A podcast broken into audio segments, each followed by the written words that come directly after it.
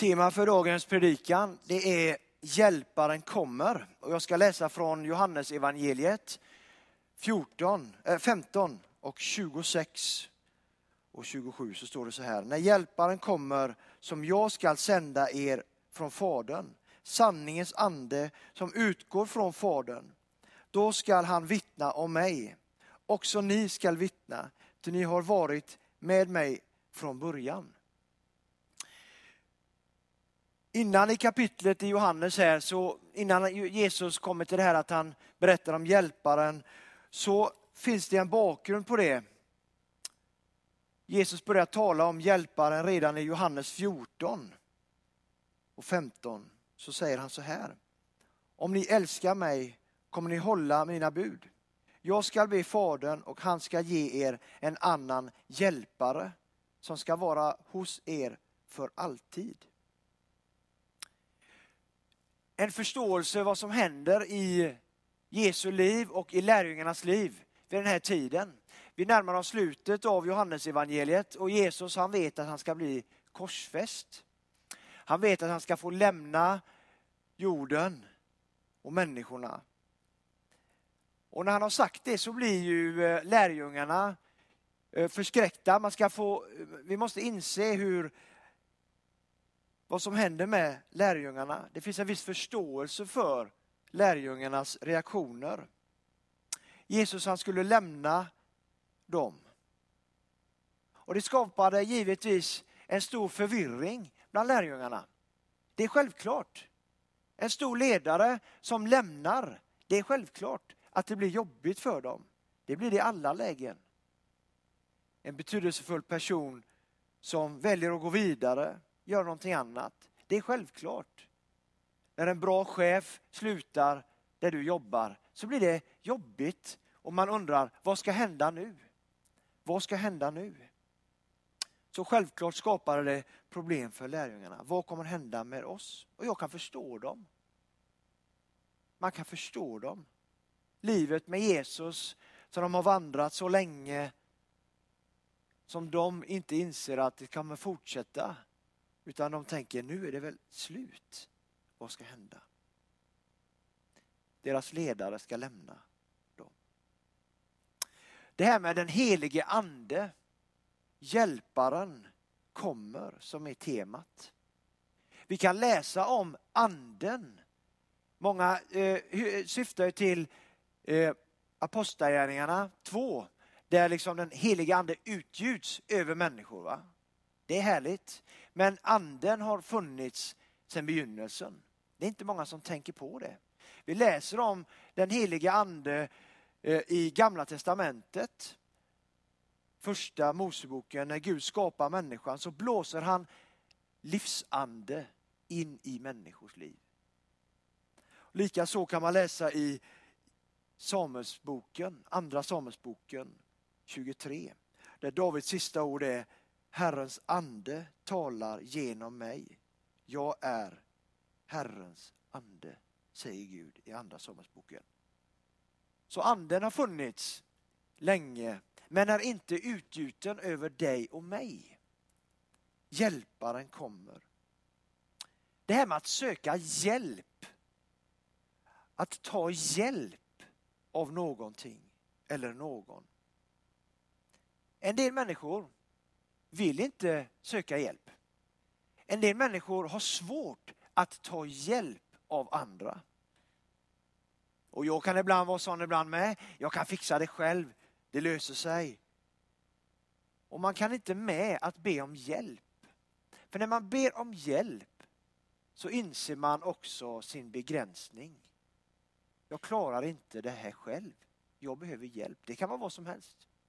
Men det är alltid någonting som händer på insidan när man vill eller tvingas att söka hjälp. Det kan vara i vad som helst. Precis vad som helst. Jag hade ett, eh, jag var på ett konfa, eh, konfaläger när jag jobbade i en annan församling. Vi var iväg och eh, jag berättar ofta det när jag är på konfaläger och hajker med människor att jag brottas med dyslexi. Det är liksom det jag har gjort hela mitt liv och haft problem med det och det har jag sagt här förut. Och jag sa det även på den här eller på den här konferhajken då. Och eh, då var det efteråt en tjej som kom fram till mig. Och jag har frågat om jag får berätta detta, så att det får jag. Eh, hon kom fram till mig och hon var bekymrad den här tjejen, konfirmanden. Hon sa det att jag har dyslexi, jag har haft det hela mitt liv och jag tycker det är jättejobbigt. Och vi satt och pratade jättelänge om det här, liksom, vad det är för någonting, vad det kommer sig och sådär. Och, eh, och jag frågade, hur, hur eh, har du berättat liksom, eller vet lärare om det och liksom kompisar? Nej, nej, nej, nej, nej, ingen får veta. Ingen får veta att jag är dyslektiker. Det vill jag inte. Eh, men hur går det i skolan och sådär? Ja, det går jättejobbigt, för att jag kan ju inte berätta det liksom. Så att det går ju dåligt. Jag får, ingen, eh, jag får liksom inget extra utan jag, får, jag gör som alla andra sådär. Ja, men det kanske inte liksom, eh, det kanske är bra om du kan få hjälp så att komma vidare. Det finns ju faktiskt det. Hjälp att få. Nej, men jag vill inte att någon ska veta. Så, jag vet så vi hade ett jättelångt samtal. Jättelångt samtal. Eh, och vi berättade detta. Och jag utmanar verkligen den här tjejen att våga berätta för i alla fall läraren att du har dyslexi. För det gör ju faktiskt att man kan få lite extra tid i skolan. Man kan få lite annorlunda sätt att läsa in på eh, olika material och sånt. Och så tog det det tog ett tag för henne. Och sen så fick jag ett meddelande eh, av henne där hon skriver att nu har jag äntligen vågat att söka den hjälpen jag behöver. Jag sa till min lärare att jag har problem med att läsa och skriva. Han bekräftade henne och sa, det vet vi redan. Jag har koll på det. Det är bra att du säger det. Och när hon hade sagt det till sin lärare så gick de till rektorn. Och då fick hon en jätte, alltså jättemycket bra hjälpmedel. Hon fick dator och hon fick liksom nya sätt att se på sin läsning i skolan och allt vad det var. Och det blev en jättestor förändring i hennes liv när hon till slut kunde erkänna för sig själv och för sina, sina närmsta och läraren att jag faktiskt jag behöver hjälp med min läsning. Jag behöver hjälp för att klara det här i skolan. Så lossnade det för henne. Det lossnade jättemycket för henne. Hon fick jättemycket hjälp och hon har kommit jättelångt. Och det till slut så blev det faktiskt så här, kanske att du har sett det här på tv, jag vet inte, men de gjorde en dokumentär om den här tjejen. Om dyslexi. Hon är från Jönköping och de gjorde ett reportage från Jönköping, kanske att du såg på det. En liten serie om hennes liv som dyslektiker. Och då exponerar hon sig över hela Sverige och världen och kanske någon i Japan såg också, man vet aldrig. Men att våga söka hjälp. Att våga söka hjälp. Hjälp är ju något fantastiskt att få. En del människor söker efter hjälp för att passa in. Ett lite mer destruktivt sätt att se på hjälp kan vara att en del människor söker efter hjälp bara för att passa in. Vi söker hjälp med träning. Träning i sig är görbra.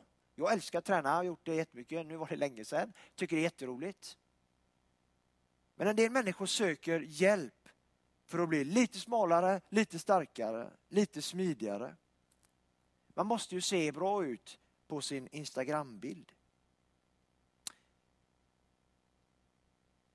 Och det är verkligen så i människors liv. Man söker efter hjälp att passa in i vardagen. Och många ungdomar brottas jättemycket med de här frågorna. Hur kan jag passa in? Och så söker man en hjälp för att försöka passa in. En hjälp som ibland är destruktiv. En del människor vill ha hjälp med kosten. Jag måste ju se vältränad ut, jag måste kunna äta bra. Eh, och det finns ju inget fel i det. Absolut inte. Men det finns förödande konsekvenser att söka en hjälp som inte alltid är sund. Det finns många ungdomar som brottas med sitt ideal, kroppsideal och psykiska ideal, anorexi och viktfrågor. Att söka en destruktiv hjälp. Många människor söker hjälp för själen. Man söker hjälp för sin själ på alla möjliga sätt.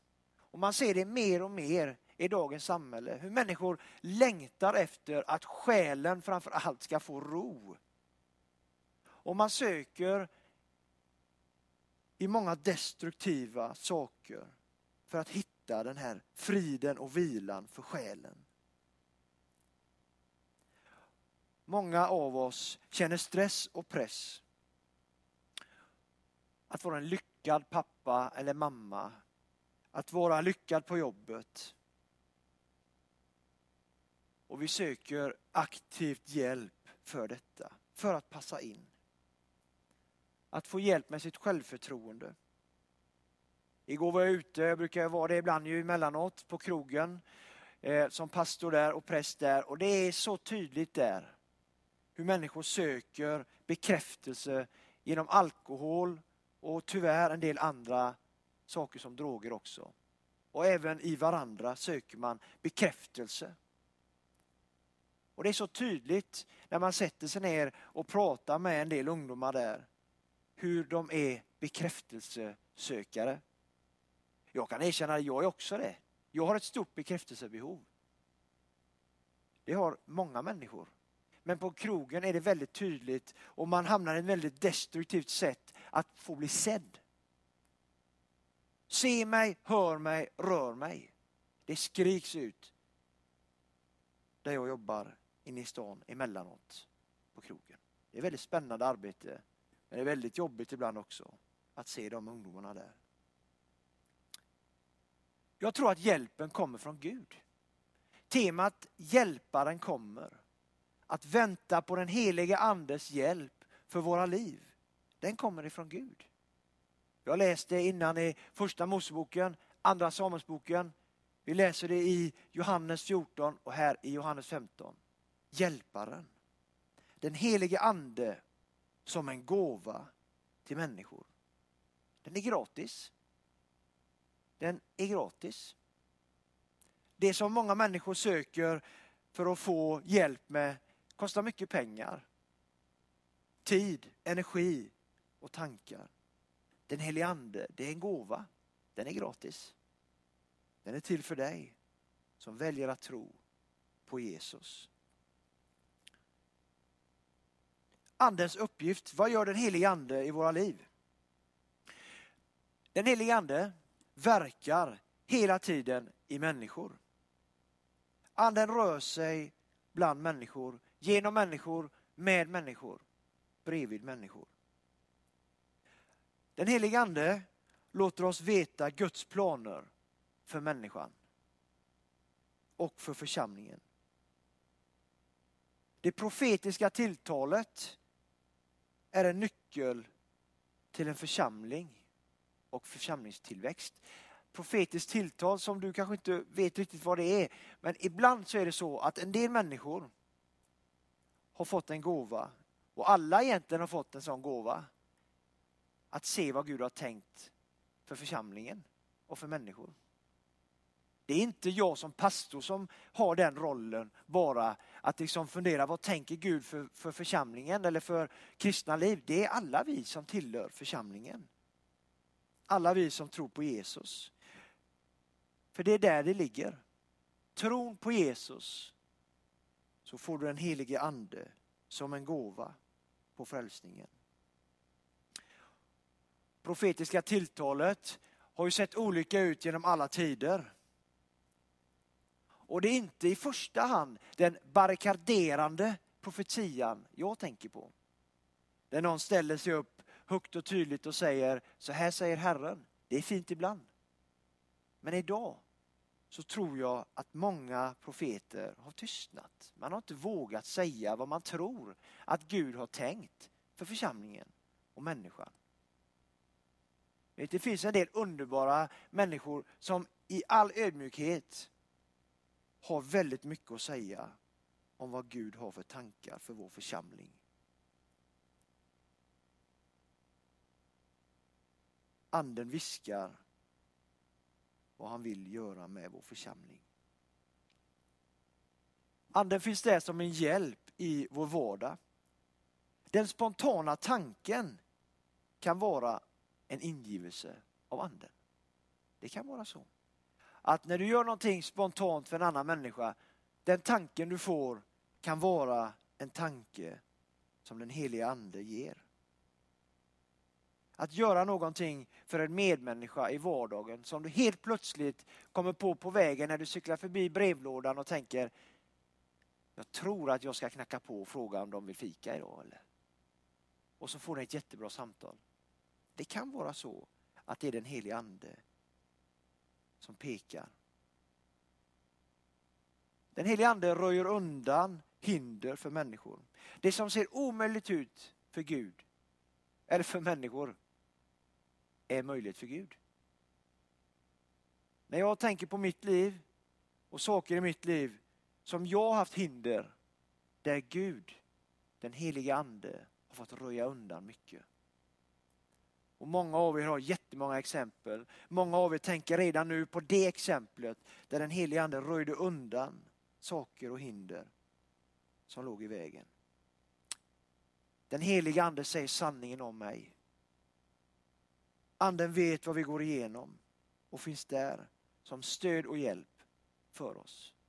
Den helige ande vet precis hur vi känner, vad vi tänker, vad vi brottas med i våra liv.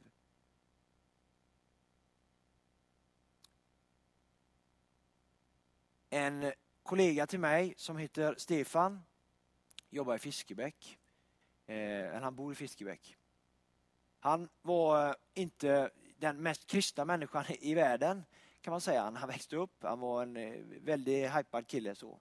Eh, jättemycket tatueringar överallt och jättehärligt på alla sätt. Han blev frälst den här Stefan. Och eh, Gud sa till Stefan att eh, jag vill att du ska göra, du, du, får en speciell uppgift av mig. Du ska få profetera över människor. Du ska få se in i människors liv.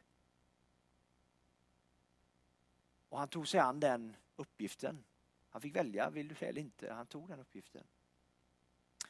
Och en dag så ligger Stefan, han har berättat detta. Eh, han ligger i sin säng hemma. Eh, och klockan är väl kanske tre på natten. Han vaknar och känner att Gud kallar på honom och säger att Stefan, du ska ut och gå nu, mitt i natten. Du ska ut och gå. Du ska ner till Fiskebäck. Du ska ner till bryggorna där och gå. Och nu är klockan fyra på morgonen. Man är inte jättepigg och gå, gå upp och gå. Eller några av er kanske är det. Men inte alltid. En annan har ju ofrivilligt får man ibland gå upp och gå, liksom. men det är ju en annan sak. Gud kallade på honom. Och han tänkte så här. Som alla normala människor tänker, det här är ju, vad är det här liksom? Jag, jag är i någon dröm, jag tänker något. Så han la täcket över huvudet och somnade. Kvart, 20 minuter så kände han igen att Stefan, nu får du nog gå upp och gå här. Nu får du gå upp och gå. Du ska ut och gå. Du ska ner till Fiskebäck, du ska gå ner till bryggorna och gå. Och han eh, tänkte väl att eh, okej, okay, jag gör det då.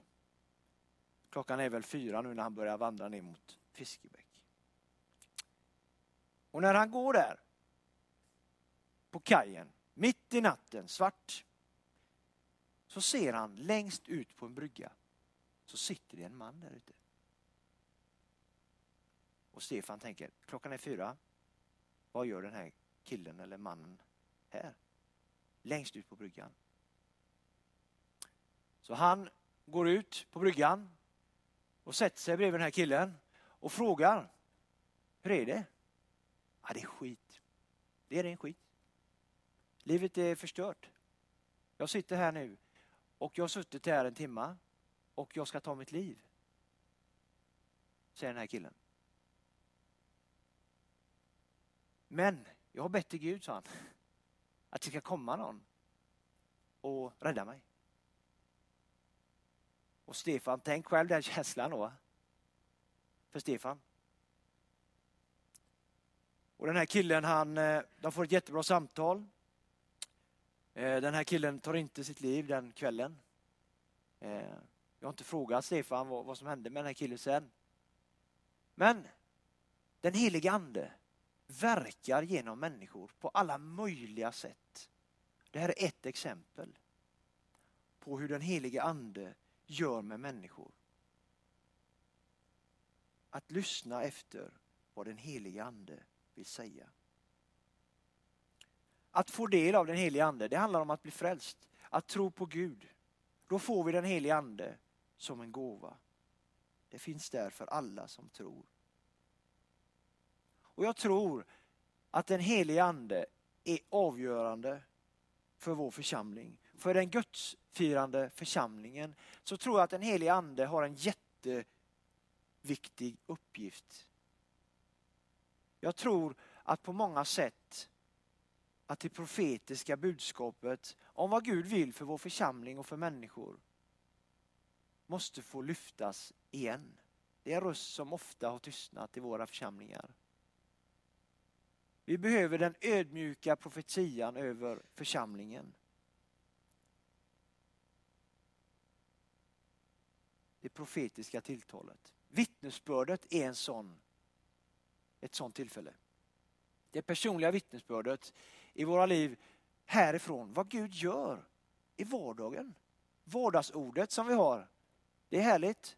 Då har vi i alla fall en gång per söndag någon som berättar, läser och gör någonting. Det är jättebra.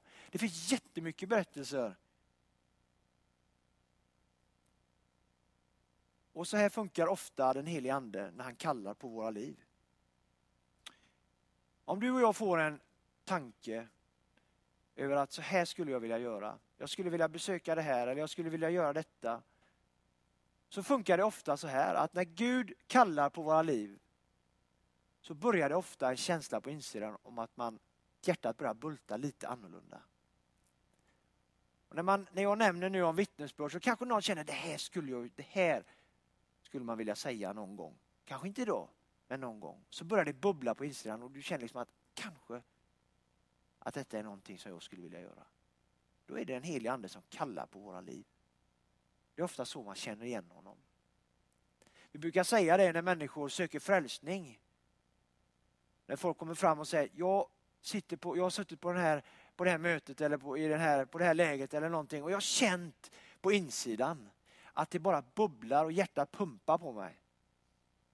Då är det Gud som kallar på deras liv. Och då brukar vi säga det, men då är det Gud som kallar på ditt liv. Vill du kan du få bli frälst och tro på Jesus. Det är så det funkar.